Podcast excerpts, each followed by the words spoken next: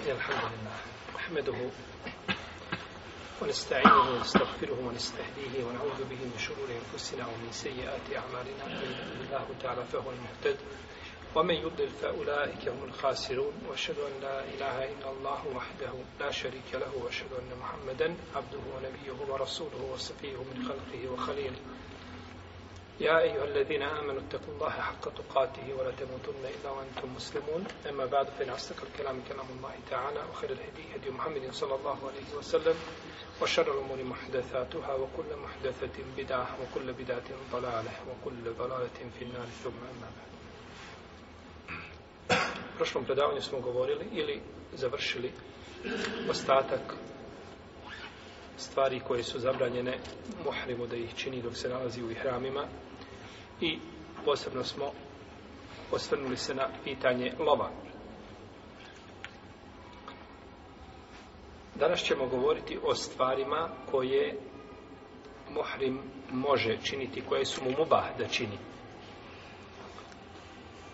Ima skupina stvari od kojih se ljudi u ihramima ustručavaju da ih čine, iako se ponekad ukaže potreba za njima, smatrajući da te stvari ili nisu pohvalne ili da su zabranjene i slično, i slično tome. Pa na takav način otežavaju sami sebi šta? Vjeru. Jer vjera je jednostavna, lahka za, pra, za praktikovanje i ne opterećuje šerijatskog obaveznika ni u kom slučaju. Osim opterećenja koje čovjek može podnijeti jednostavno i život čovjeka je sam pod opterećenjem, je tako? Je tako ili nije tako? Čovjek, znači, mora uložiti snagu fizičku ili psihičku za sve što želi da uradi. Je tako? Da želi, kada želi da popije čašu vode, mora ustati, uzeti čašu vode i nas od sebi da popije. Je tako? A isto tako su, znači, i propisi. No, međutim, ta poteškoća je realna i, znači, lahko je može podnijeti obaveznik. U protivnom koja god poteškoća da se pojavi, koju ne može podnijeti ili mu je jako teška, u šarijetu ima šta? Ima olakšica. Ima olakšica. Pa se olakšice koriste ne samo kada je čovjeku, na primjer, čovjek ne može klanjati u stojeći. I onda klanja sjedeći. Jel u redu? To je šarijetski šta? Olakšica. No međutim, postoji li mogućnost da on klanja stojeći? Ne postoji, tako? Znači mora klanjati sjedeći. Pa s te strane, olakšica biva čovjek ne može, nije u stanju nikako. I realno je da ono što ne može izvršiti, ne može.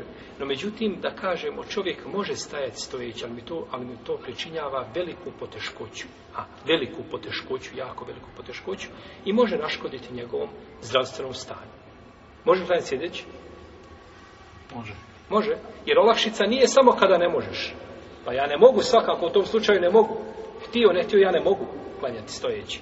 No međutim, kada čovjeku pričinjava veliku poteškoću ili može naškoditi njegovom trenutnom zdravstvenom stanju, čovjeku je dozvoljeno da klanja šta? Sjedeći da koristi olakšicu.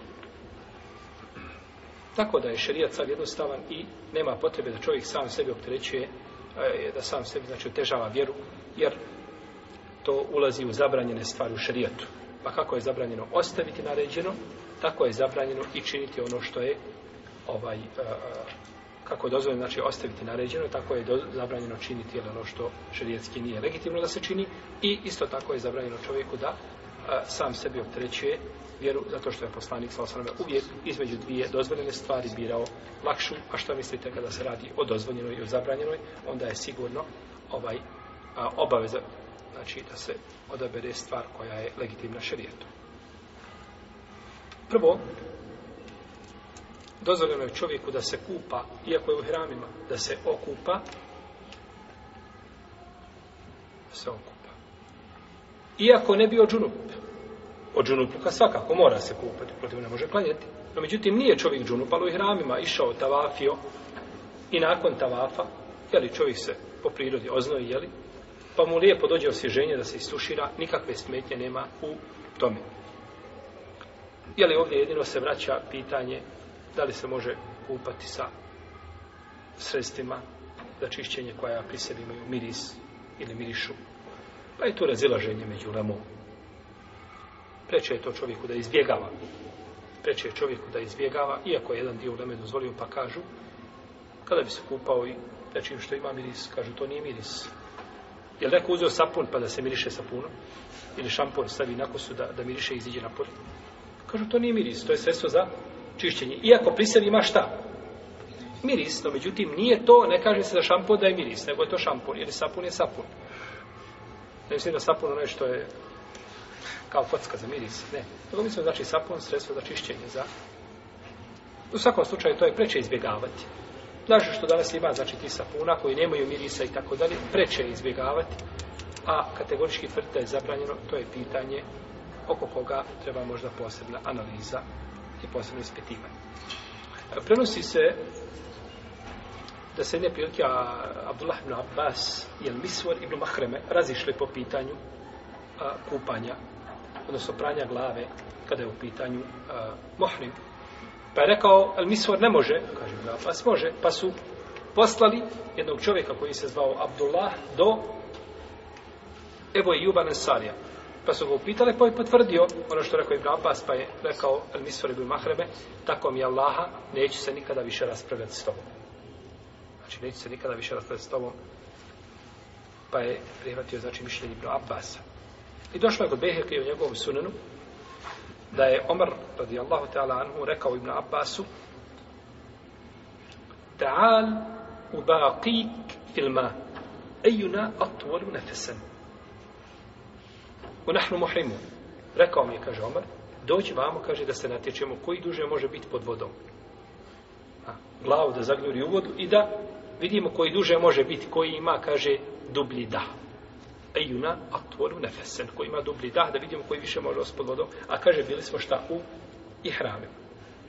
Radi Allah, da, da ova predaj ima vjerodostavljena, da se prenosila Pa je dozvoljeno, znači, mohrimo kako da opere glavu, tako da se istušira, nikakve smetje nema u tome.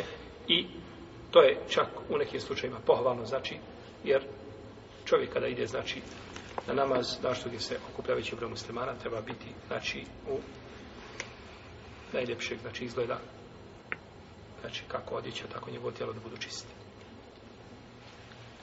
Druga stvar koja je dozvoljena muhrimu jeste da se počešlja.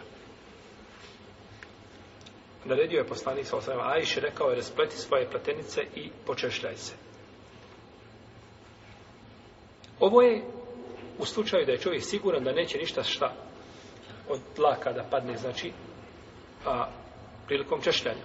Ima ljudi, znači, koji imaju jak korijen kose, koliko god da se češlja, rijetko kada šta znači da a, ostane na češlju, jel? A kada je u pitanju češljanje i zna muhrim ili pretpostavlja da bi tim češljanjem moglo otpasti nešto od laka, tu je pitanje, znači, razilaženja. Autor je odobrao mišljenje da i u tom slučaju može, jer to nije namjerno, to nije namjerno uzimanje od kose. Dalje, češanje glave i tijela. Dozvoljeno je, znači, muhrimu da počeše glavu i tijelo zato što se navodi Aisha radijallahu ta'ala na kako bilježi imam Malik u svojim uveti sa ispravnim lance prenosilaca da je pitana o tome pitana je da muhrim počeše svoje tijelo pa je kazala neka počeše i neka dobro pritisne slobodno kaže šeho li sami minute imije u svojim petvama čovjek se može počes, počešati po tijelu i ako nešto otpadne od vlaka neće mu to smetati, neće mu to škoditi. Zašto ovo govorimo? Ko će mi kazati? Zašto govorimo i zašto spominjamo da je muhrimu dozvoljeno da se počeš? Pa zato što je zabranjeno, muhrimu da uzima nešto od laka sa tijela. A češanjem postoji relativna mogućnost i češanjem šta da nešto od laka otpadne, no međutim to nije klasični jel, način uzimanja ili kraćenja ili brijanja ili dlaka sa tijelom. Kaže imam Nevovi u svojom dijelu Međmua Šaral Muhedzeb kaže ne znam da postoji razilaženje među islamskim učenjacima je da je dozvoljeno čovjeku da se počeše po glavi jeli, zato što je najveća mogućnost postoji da nešto od laka otpadne sa glave. Osim kaže što islamski učenjaci kažu da to čovjek treba činiti blago, tako da izbjegne, jeli, a, jeli, ono što bi se moglo desiti od opadanja kose. To je, jeli, po pitanju češanja glave i tijela. Dozvoljeno je muhrimu da obrije jedan dio glave gdje želi da čini hijjamu. Jer prenosi Ibnu Buđajne kako je došlo kod Buhari i kod muslima da je poslanik Salasaleme dok je bio u hramima u Laha Džemel, mjesto jedno koje je bilo na putu do Meke, da je obavio hijjamu na sred svoje glave. Kaže šeho l'Islam Ibn Taymije u svojim petvama u 26. tomu gdje govori o propisima hađa. Kaže, a to ne može urati osim brijanjem čega? Kose. Tog dijela, znači glave, da ga obrije. Ibn Hazmi je spomenuo dok Čumur Uleme kažu može urati hijjamu, ali ne smije ništa brijati od laka sa tijelom. Pa Ibn Hazm odgovorio, kaže, poslanik je svala sveme uradio, a to ne može raditi osim prijanjem tog dijela. Tog dijela čega? Glave. Tog dijela glave. Jer da je to uradio poslanik svala sveme, da je oprijao cijelu glavu, šta bi bio na problem? Ne bi imao šta brijati kada obavi šta? Umru, nakon završetka toga. Ne bi imao šta brijati. Pa kažu, ovaj, a da je to poslanik, da je se poslanik sa obrio jedan dio glave. Iako je razilužen jedin među levom, koju je vrstu hađa obavio poslanik sallallahu, ali i osalam, o tome smo govorili. A kaže, nije obavijestio nikoga da treba zbog takvog postupka šta? Iskupina. Pa kažu da je dozvoljeno. Pa bi onda ovo brijanje glave jednog dijela bilo izuzeto, kada je u pitanju hijjama, iz onoga propisa šta da se obrije dio glave, da se ostavi dio glave. To bi bio onda izuzetak iz toga propisa.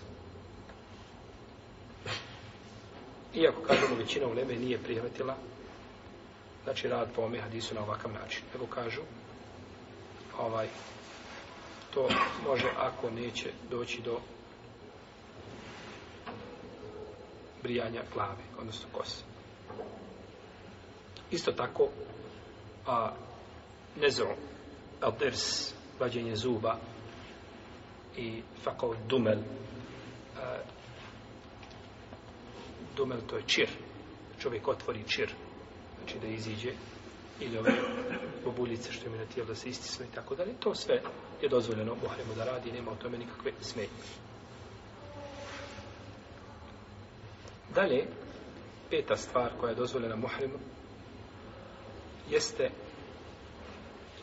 da pomiriše miris. Da pomiriše miris.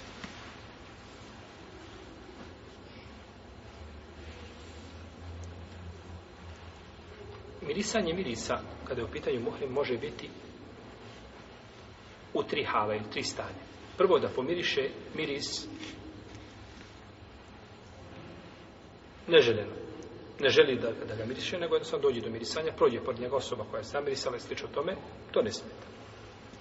Drugo, može biti da miriše miris ne želeći da se naslađuje mirisom, nego da ga, na primjer, kupi, došao u radnju, pa bira miris. Pa mu onaj prodavac, znači, pokaziva jedan po jedan miris i on miriše. Ni to nema nikakve smetnje. I treći hal, treće stanje jeste da čovjek miriše miris, a ne govorimo o stavljanju mirisa šta na tijelu, nego govorimo o mirisanju. Jel u redu? Jasna je razlika, tako. Znači, treće je da čovjek miriše želeći da time naslađuje se, voli taj miris, pa ga miriše. Uzeo bocu i stavio i miriše.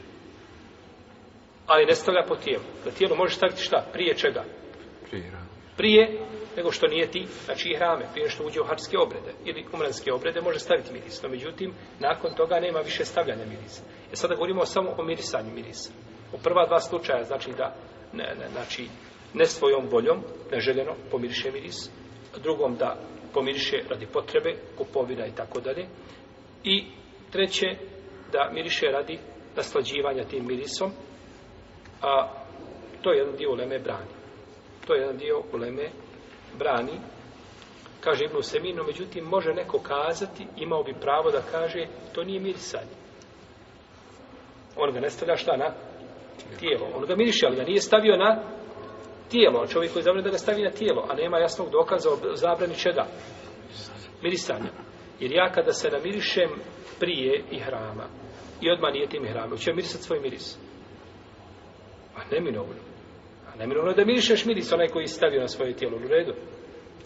No međutim, ovdje je došlo znači da čovjek uzme, uzme nešto namjerno da miriše i da se time naslađuje. Kažu to je zabranjeno, dok neki kažu a, mog, moglo bi se kazati da to nije klasično korišćenje mirisa. Šesta stvar koja je dozvoljena muhrimu jeste da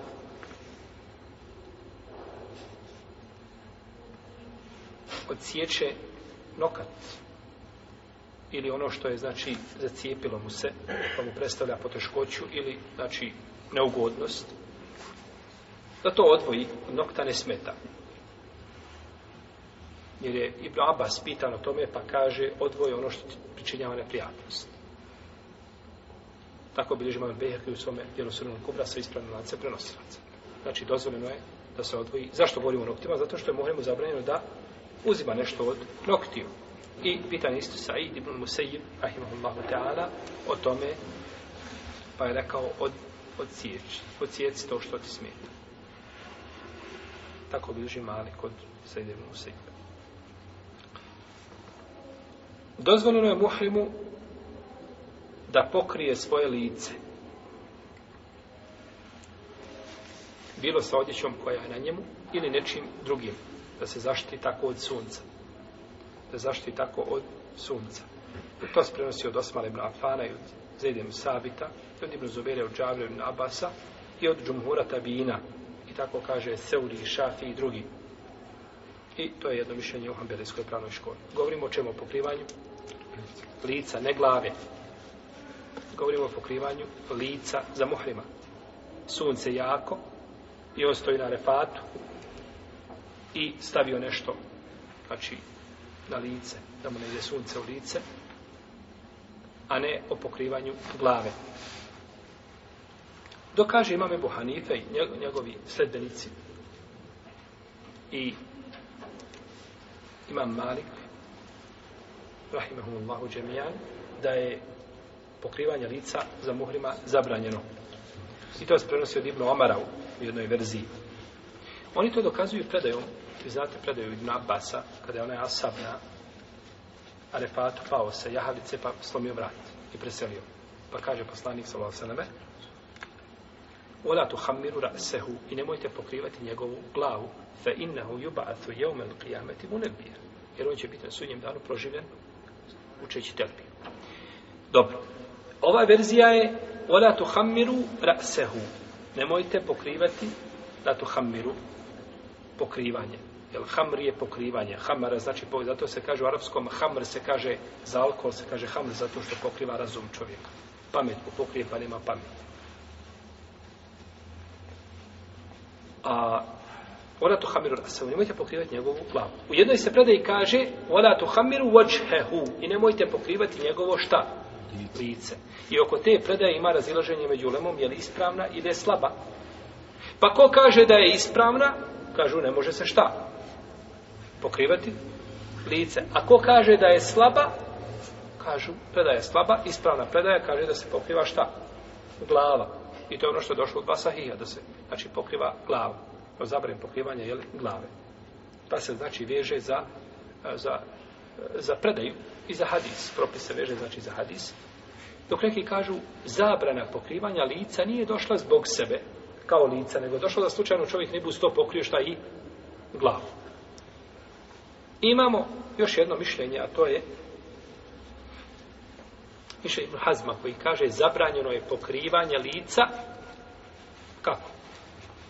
Mrtvoj osobi. Jer ovaj sam pao, preselio i nakon toga poslanik sa osobom kaže šta? Nemojte pokrivati njegovo lice, jer on će biti proživljen na sudnjem danu učići telbiju. Pa kaže, to je došlo za propis za koga? Za mrtvu osobu, nije za živu. I znači poznato je, jeli? Ovaj, a, Ibn Hazm je, rahimehullahu ta'ala, imao, znači, a, pri sebi tog bukvalnog, znači, svatanja vjere, kome su pregovarali određeni učenjaci, nisu prihvatili, znači, sva mišljenja Ibn Hazma, iako, ovaj, braćo, kada se kaže bukvalno razumijevanje vjere, tako je osnova. Osnova je da se vjera razumijeva bukvalno. Da se razumijeva onako kako govore šta? Argumenti. I Ibn Hazm s te strane nema prigovora. Nema mu prigovora. Samo što Ibn Hazm, rahimehullahu ta'ala, pretjerao u tom pogledu. On je šta? Pretjerao u tom pogledu. Pa je otišao, znači, u bukvalnom svatanju vjere više nego što je šta šerijetski opravdano. U protivnom, nema Ibn Hazmu prigovora s te strane, jer se vjera mora bukvalno razumijevati. Uzvišen je Allah kaže za sebe da ima ruku. Mi moramo svat da uzvišen je Allah ima ruku. I to je bukvalno razumijevanje argumenta. Osim ako ima nešto što to bukvalno razumijevanje ili spoljašnje razumijevanje argumenta, šta? usmjerava u drugom pravcu. To je drugo. U protivnom biva bukvalno šta razumijevanje vjere. Tako da nema ništa što se može razumijeti između redova. I nešto što razumiju samo nekakvi šejhovi koji lepde po zraku. I hoće ljudima kazati, ima vjera svoju spolješnost i svoju unutrašnjost. Vi ste spolješnost, a mi smo unutrašnjost. Ha?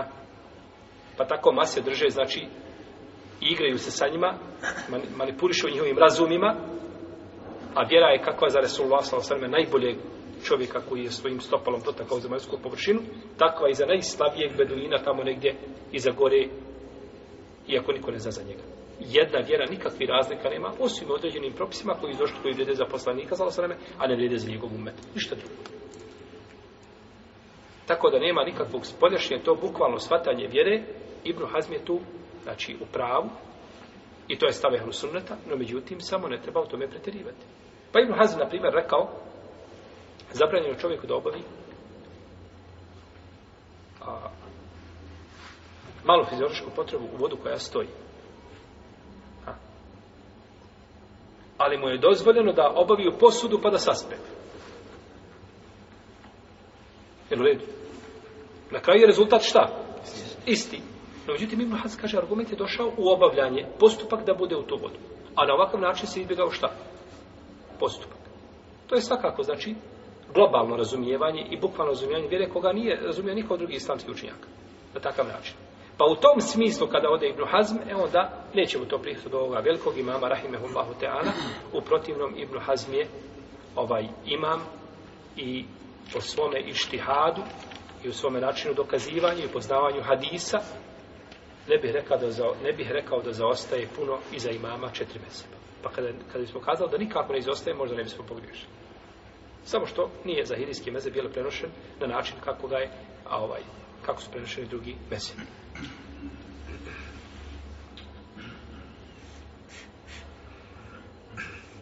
Znači, dozvoljeno je šta? Pokreti lice. Dozvoljeno je pokreti lice radi potrebe i slično tome nema smetnje. Govorimo o pokrivanju lica koga? Muškarca. Mohrima. Znači, muškarac pokriva muškarac. A, stiče žene, vidjet ćemo. Znači, razilaženje je po pitanju muškarca. Jednog sam rekao, eto. Znači, ne. Razilaženje se vodi po pitanju muškarca. Dalje, osma stvar koja je dozvoljena, a ona je vezana, znači, sada za žene, a to je pokrivanje lica ženama da nešto spusti sa glave preko lica. I to je ženi dozvoljeno na hađu kod uleme koja kažu koja kaže da je pokrivanje lica šta? Sunnet. Je subhanallah. Kako kažu vađib i onda kažu dozvoljeno? Dozvoljeno je nešto što možeš urati, a ne moraš. Pa ako je vađib, kako ne mora onda? Što je šta? Sunnet. Ulema koja kaže da je sunnet, oni kažu da je dozvoljeno. A ulema koja kaže da je vađib, svakako je vađib. Dobro.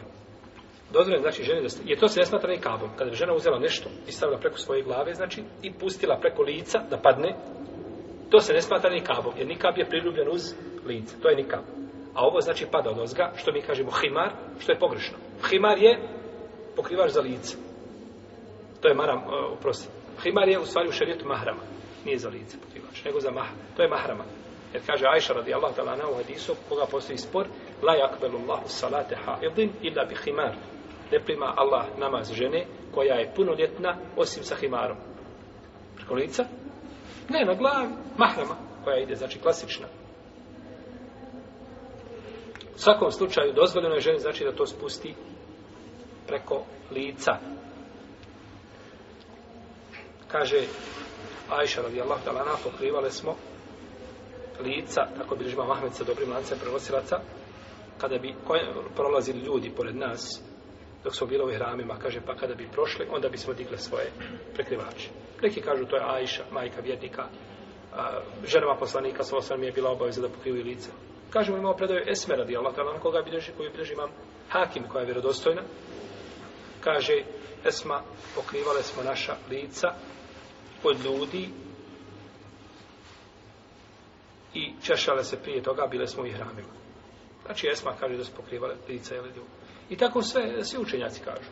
Svi učenjaci kažu, znači, sve pravne škole, i Hanefijska, i Malikijska, i Šafijska, i Belijska, svi su jednostavni u stavu, i Rahirijska, svi su jednoglasni u stavu da je ženi dozvoljeno u hramima da stavi šta? Nešto na lice. E sada, jedni kažu da je važib, a drugi kažu da je sumne, da je pohvalno. No međutim, niko ne kaže od njih da je to bidat. Je to zabranjeno. Jer imate, znači, žena u... Znači, imate ponekad vodiča, ja znam, prisiljavaju žene da otkriju lice. Kaže, i dokazuju to hadisom da žena ne smije staviti nikad. A ti meni živ bio, kaže, ko je to od uleme rekao da žena mora otkriti u ihramima lice? Spomeni mi jednog alima od stare uleme, nemoj spomenuti ovu novu ulemu i pitanje politike. I danas sve što se radi pitanja nikaba, pitanja, sve je politika. To, to nije vezano za vjeru. Kada iziđe tamo šejh nekog instituta pa kaže nikab nije od vjere, to ćemo i zabraniti. To nije vjera, to je politika. Sve se radi, da dođi mi sa šerijetskim argumentima, a to ne može kazati, koje samo primjeri sa omili šerijetskog znanja, ne može kazati da je nikab ovaj, da nije od vjere. To je nemoguće da te riječi iziđu iz njegovih usta, da je uzeo samo jednu knjigu o šarijetu koja govori o odjeći e, i, i, i ovaj, o odjevanju žena i propisu odjevanja i da je to pročitao, nikada ne bi tako nešto kazao. I nikada ne bi izvalio takvu glupost. Da to nije od vjere i da je to ovaj adet nekakav koji se uvukao među muslimane. Adet se uvukao među muslimanke, a to sa vjerom nema ništa taj njegov govor sa vjerom nema a nikav je sastavni dio vjere, pa vidimo da u ihramima gdje postoji hadis koji, iz koga bi se moglo šta zaključiti, da žena ne treba pokrivati šta? Lice. Opet ulema složna da se može pokriti lice. Pošto misle to na mimo ihrama? To nikada nije bio predmet, znači, u koga se sporili učinjaci, raspravili, ne, nego, znači, mi smo iskušani danas sa ljudima koji, znači, vjerske propise žele da ovaj a, prilagode stvarnosti. Kako bi to odgovaralo stvarnosti. Tako. No, međutim, oni hoće jedno, a uzvišenje Allah hoće da sačuva svoje svjetlo. Kada god napadnu, u Egiptu nikad nije više bilo nikaba što sad. I nama je drago što više napadaju, sve više muslimanki stavlja nikaba. Uzvišen je Allah, a on će da bude suprotno onome što oni žele. Yes. Tako da je ženi dozvoljeno pohvalno, a u najmanju ruku, ako neke žene uleme je obavezno da pokriješ ta lice u ihramima. Tako da u tome nema nikakve smetnje, da ne bi neko... Ja sam bio, bio sam prisutan više puta kada čovjek dođe sa ženom na hač, unik, ženom u nikabu i prisili je da skine nikab i onda ide i druge muslimanke prisiljava da skide u nikabu. A još vodić, vodi ljude. To su ti vodići koji ide na vodi. Nikad nije bio na hađu i nikad nije prešao, nikad nije izašao van Bosne, nigdje i on vodić na hađ. Kako ti može bio voditi ljude na hađ? Ni poznavanje arapskog jezika, ni poznavanje propisa, ni poznavanje da te neko dovede, mjesto da te dovede na Arefa, da te odveze negdje na, na, na vrh brda nekog u Mekke, rekao, ovo ti Arefa, ti stane ovdje, ti što je? Nisi nikad bio, ne znam šta je to, ne znam gdje te baš... To je isto vam je to od prilike. Ha. Od prilike vam je to kao doktor završio fakultet opće, je doktor opće prakse, završio fakultet širijetski, fakultet je medicinski, i vi ga uzmete, uvedete u operacijalnu salu i kažete čovjeku transplantacija srca. Evo ti srce, zamrznuto, i evo ti pacijent ispred tebe i date mu onu veliku britvu sablju i kažeš Bože. Znači, za to treba praksa, treba čovjek da vidi, treba da, da osjeti, treba, a ne samo, znači, puko teoretsko poznavanje, jer ako se već, ako se već poznaje, a to mnogi ne poznaju. Dalje, ženi je dozvoljeno, to je deveta stvar koja je dozvoljena kome? Mohremu. Ženi je dozvoljeno da obuče od odjeće šta želi. Nije odjeća žene vezana, a kao odjeća muškarca. To smo, u tome smo spominjali nešto kada smo govorili šta u ihramima. I posebno žene iz Egipta se ističu o ovome pogledu. One sve nose bijelo. Muškarci nose bijelo i ona nosi bijelo. Ili je ljubomorna na muškarca ili šta je, ne zna. Ali nosi bijelo, ona hoće bijelo odjeću. Nije, žena nosi odjeću koju želi, kakve hoće boje, izgleda nije bitno, nema smetnje da odjeva se kako želi. Jeli? Svakako, kada kažemo kako želi, da ta odjeća odgovara čemu? Šeljetskim propisima. Znači, neće doći pantalonama. To je zabranjeno. Jeli?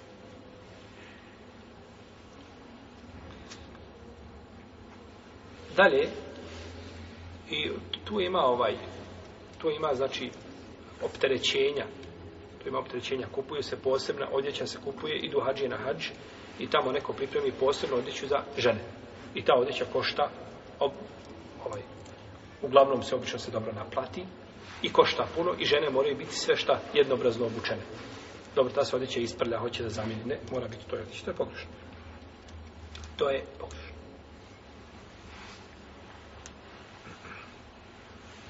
Dozvoljeno je ženi, to je deseta stvar, pored toga da oblači odjeće ono što želi, da obuče odjeće koja je prošivena. A, muškarac ne smije da oblači ono što je prošiveno. Kad smo govorili da je šiveno, šta smo kazali? A? Da je šiveno? Znači, u obliku tijela. Da je tako napravljeno da bude u obliku tijela. Sve što nije u obliku tijela, znači to je propis je drugačiji. Sve što nije u obliku tijela, propis je drugačiji. Jer ponekad ihram može biti prošiven, red, porubljen sa strana. I ima šta? I sam, znači, ihram dok se pravi, sav je, od, je tako, od plata je napravljen. Ti končići, to, toga je sastavljen. Nije to, nego znači prošiven, misli se da je prošiven u obliku čega? Znači, da je sastavljen u obliku ili tijela. Pa je dozvoljeno da ženi da, osim od prošivenog, što je zabranjeno da oblači?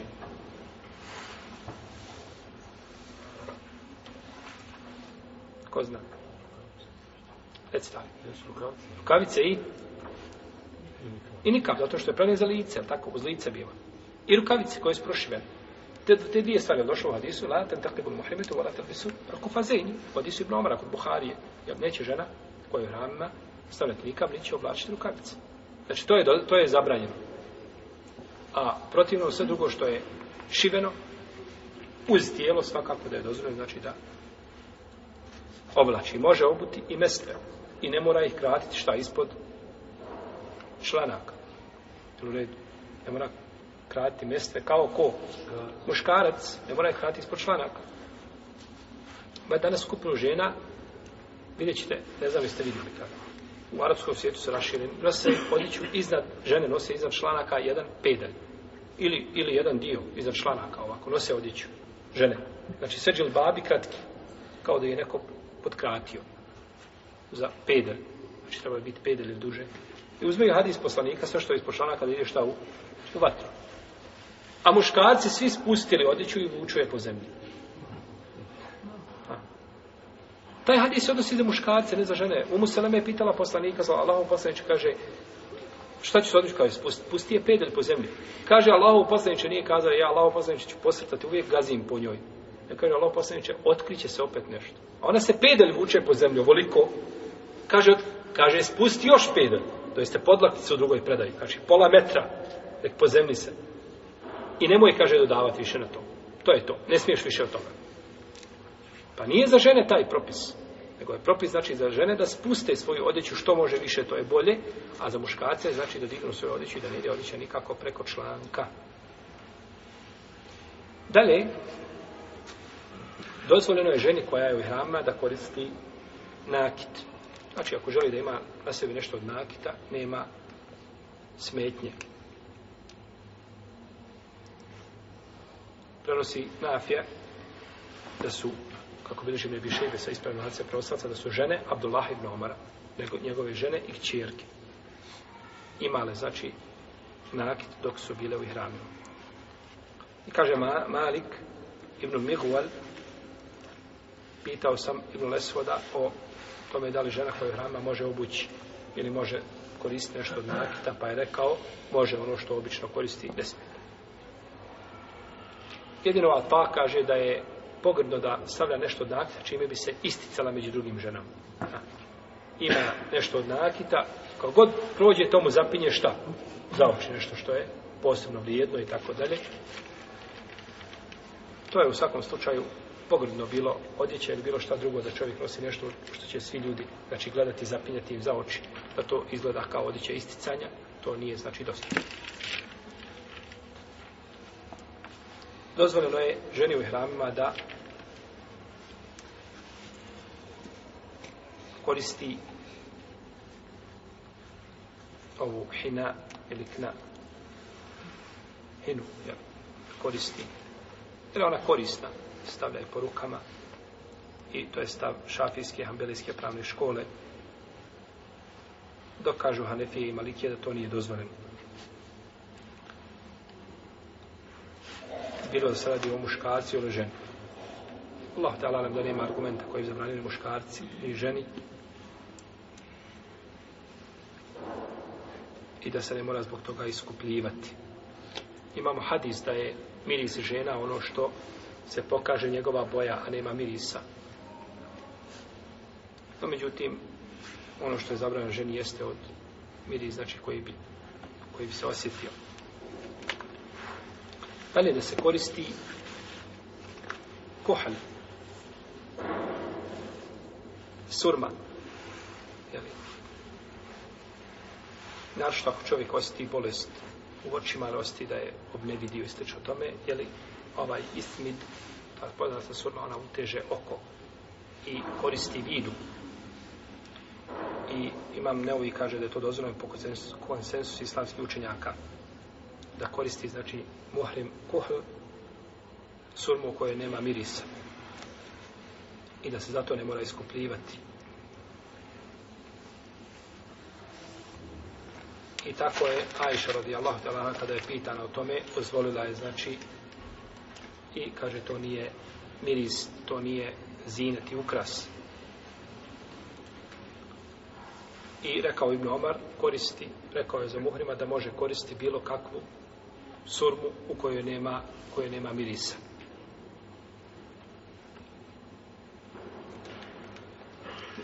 Tako da je čovjek to dozvoljeno da koristi, ali najbolje mu je znači, koristiti to ako ima potrebu za tijet. Ako ima potrebu, u protivnom je preće ostaviti jer imaju hadisi poslanika iz kojih bi se sa osvrame moglo zaključiti da je to, da bi to bilo mekru. Zaključuje se, nisu hadisi jasni, izvi se to može zaključiti. Kako je zaključio Ibn Kudame u svom djelom Mugni u trećem tomu?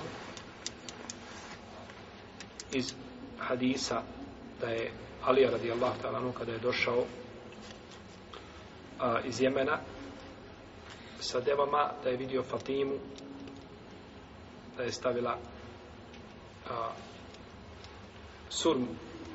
Pa je ukorio, pa je kazala tako mi da ne bio babo. Jeste poslanik sallallahu alaihi wasallam.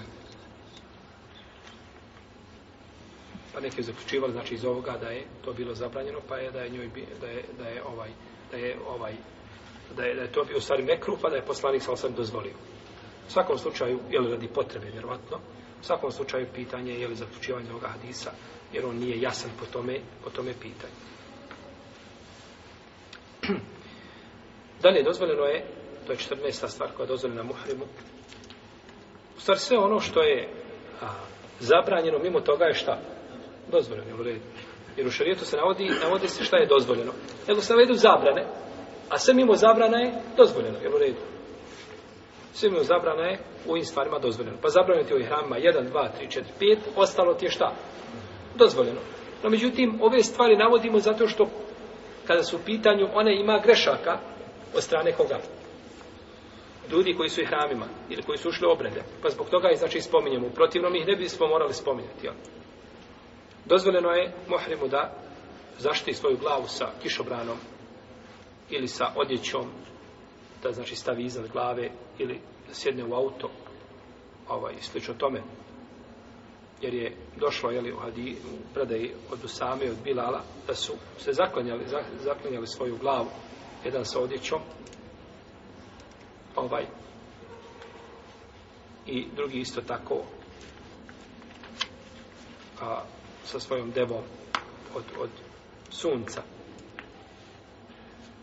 Pa je čovjeku dozvoljeno, a, imate skupinu hađija koji dolaze na hađi, idu, uzmeju a, a, kabrione, autobuse, da ne bi nešto imali za glavi znači kabli u autobusima i, i da, da ne bi kazalo se da ima šta nešto iza glave.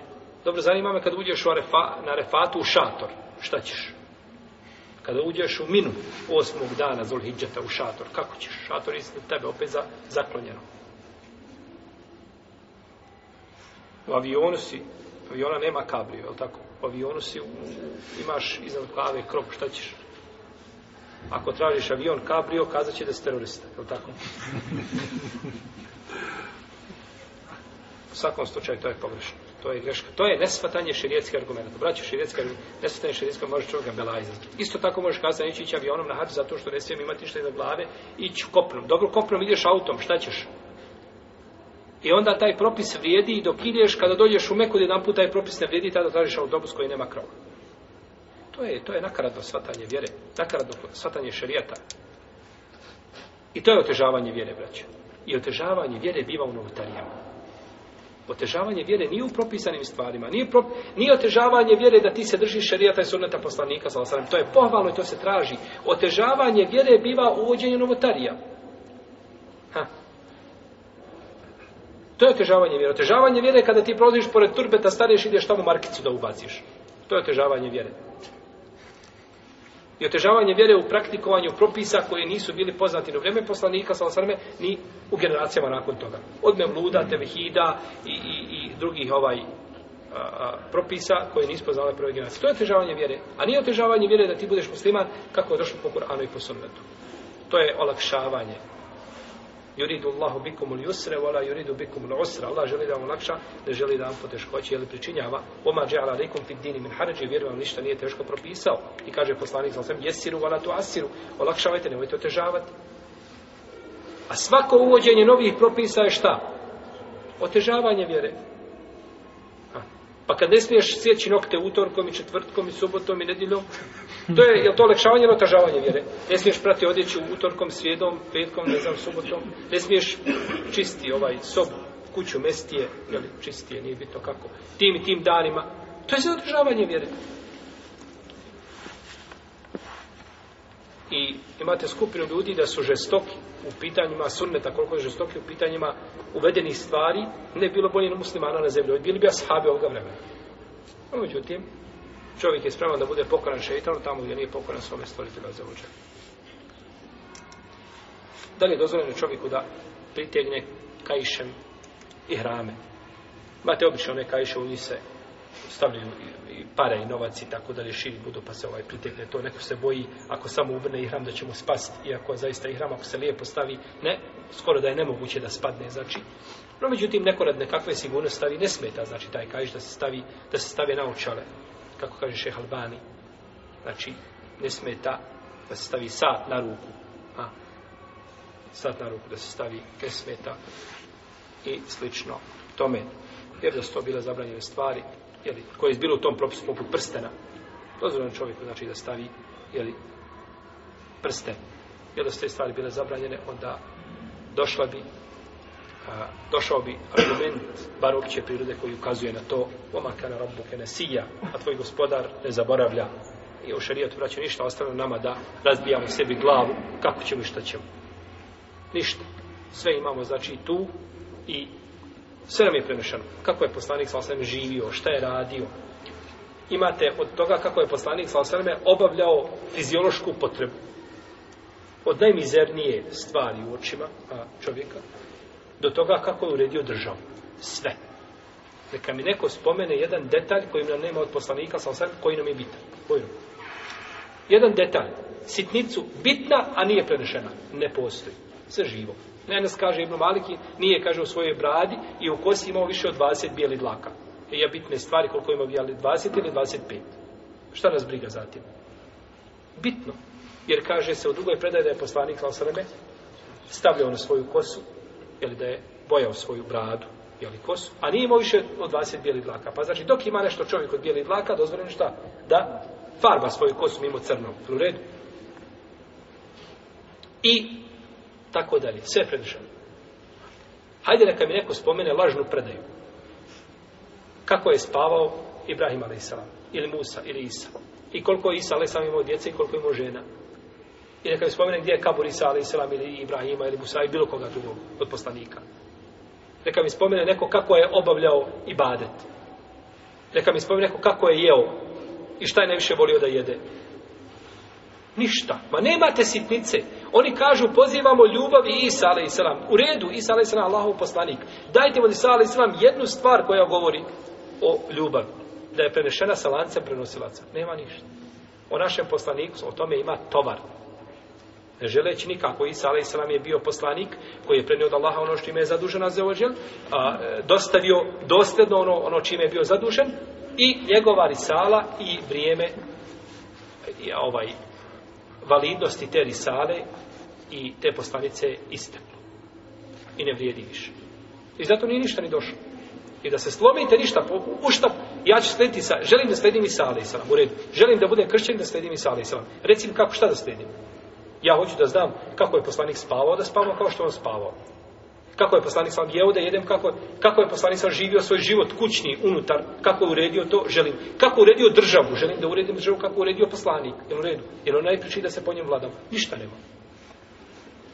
Jer to nije došlo za nas, to je bilo za nekoga drugog ljudi s to vrijeme, ko je prihvatio, prihvatio, ko nije prihvatio, ljudi to svojim rukama iskrivili i uzvišen je Allah postao nešto što je to dokinulo. I do nas došlo i ostaće do sunnje dana svaki pokret poslanika u namazu, kako je pokretao prst, na koji ga je način pokretao, gdje je ruke vezao, kako ih je dizao, kako je na sežde bio, koliko je ruke ustranu širio, svaki pokret i svaka sitnica. Svaki pokret i svaka sitnica u njegovim ibadetima i u njegovim, znači, običnim stvarima. Pa uzvišen je Allah te barak je otala nije ostavio u šarijetu.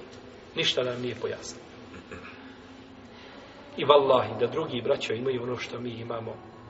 Ja mislim da biste vi njihove glave od kibura vidjeli negdje gore vezane za oblake. Toliko bi se njihovi bratovi i istegli od kibura i doholosti šta imaju. Pa dobro, mi smo preći da budu naše, naši bratovi u oblacima ne iz kibura, nego iz ponosa. Ne, nećemo biti i borili prema drugima, mi bismo voljeli da je svako musliman i da svako sledi vjeru, no međutim, bit ću iz ponosa što sam musliman. I ovo što mi imamo, nema niko drugi. I ovakva pojašnjenja vjere, ovo nema niko. Znači, kada bi se sve vjere i sve ideologije i principe na zemlji sakupili, ne mogu ni na približno, ni na približno ovakav način pojasniti čovjekov život. I naći te grešaka, u tome je pojašnjenje da dođe skupina ljudi da sjednu i mudraci da sastave naći je grešaka tovare dok u šarijetu Allahom te barak je otala jasno i da se sakupe i ljudi i džini ne mogu doći sa Kur'anom kao što je objava stvoritele te barak I onda opet nađete muslimane a, kao da se kolebaju. Trebam li ili ne trebam? Smijem li ili ne smijem? Jasno i pojašem. Na tebi je samo da klineš glavom i da kažeš semjena u apana i da se pokoriš i da radiš. Ništa drugo. Jeste.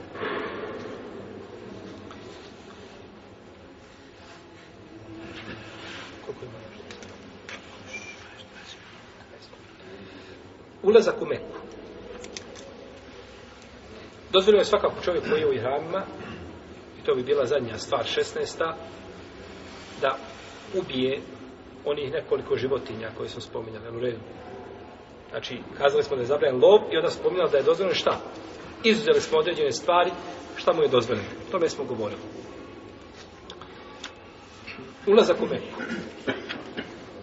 Znači, nakon što je Mohrim došao do Mikata, nije tio obrede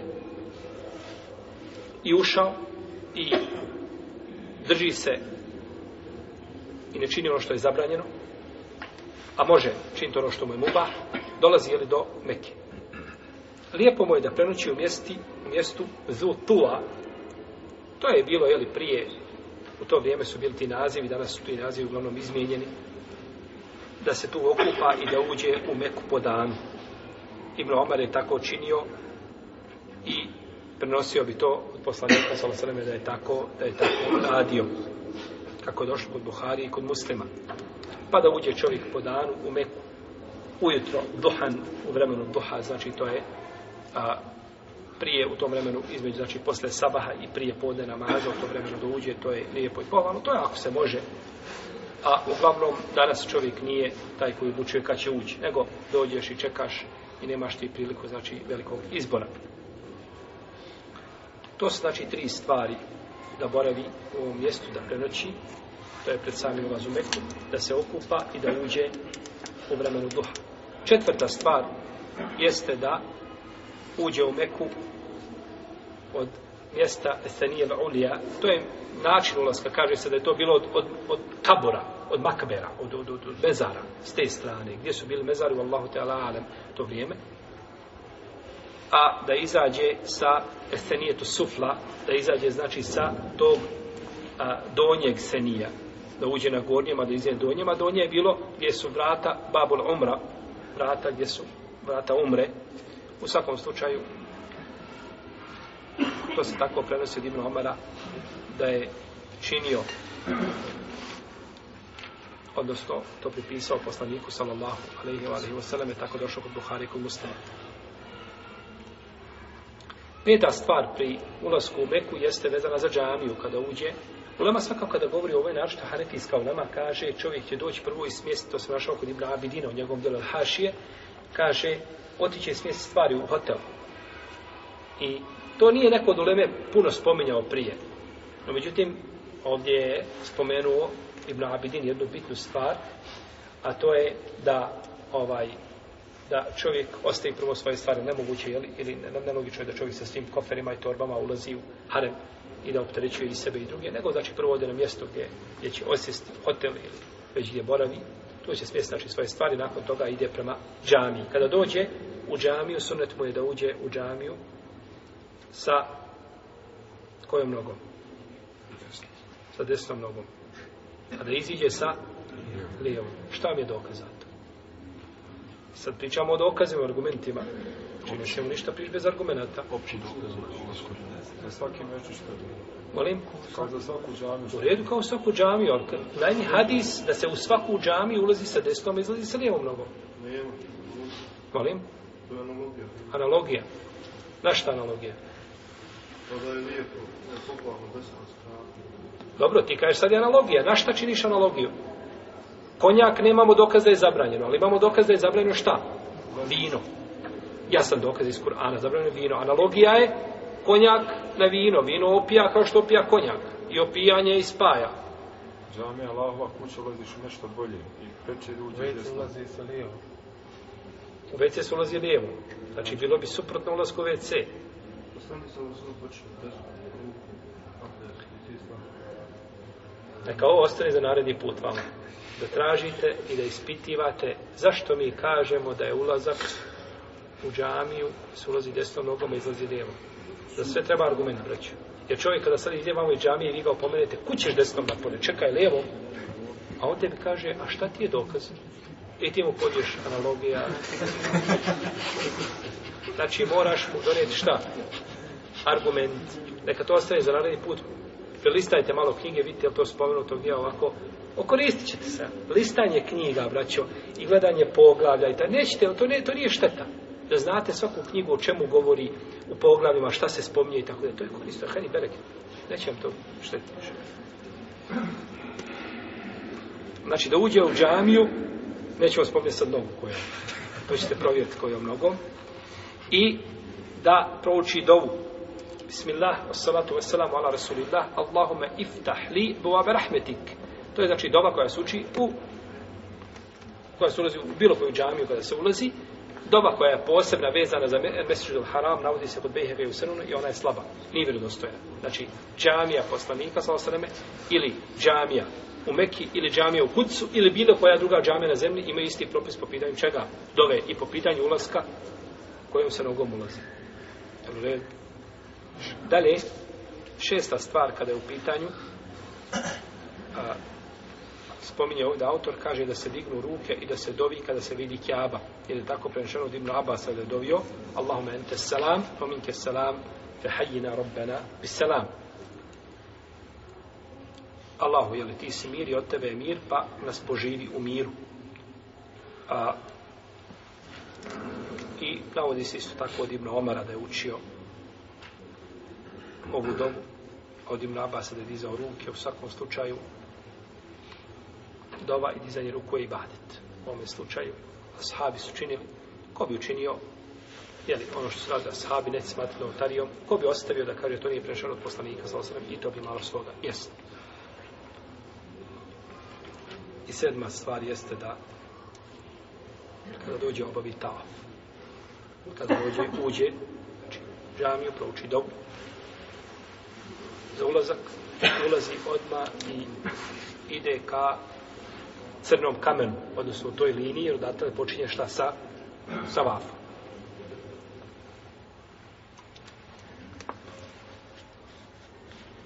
Pa ćemo išao tala nakon, u naravno vašem predavanju, govoriti o talafu. Govorit ćemo o talafu i o vrstama talafu. I onome što se znači veže za talafu. Allah ta'ala alam, salli Allah, ala nabina Muhammed, ala alihi wa sahbihi.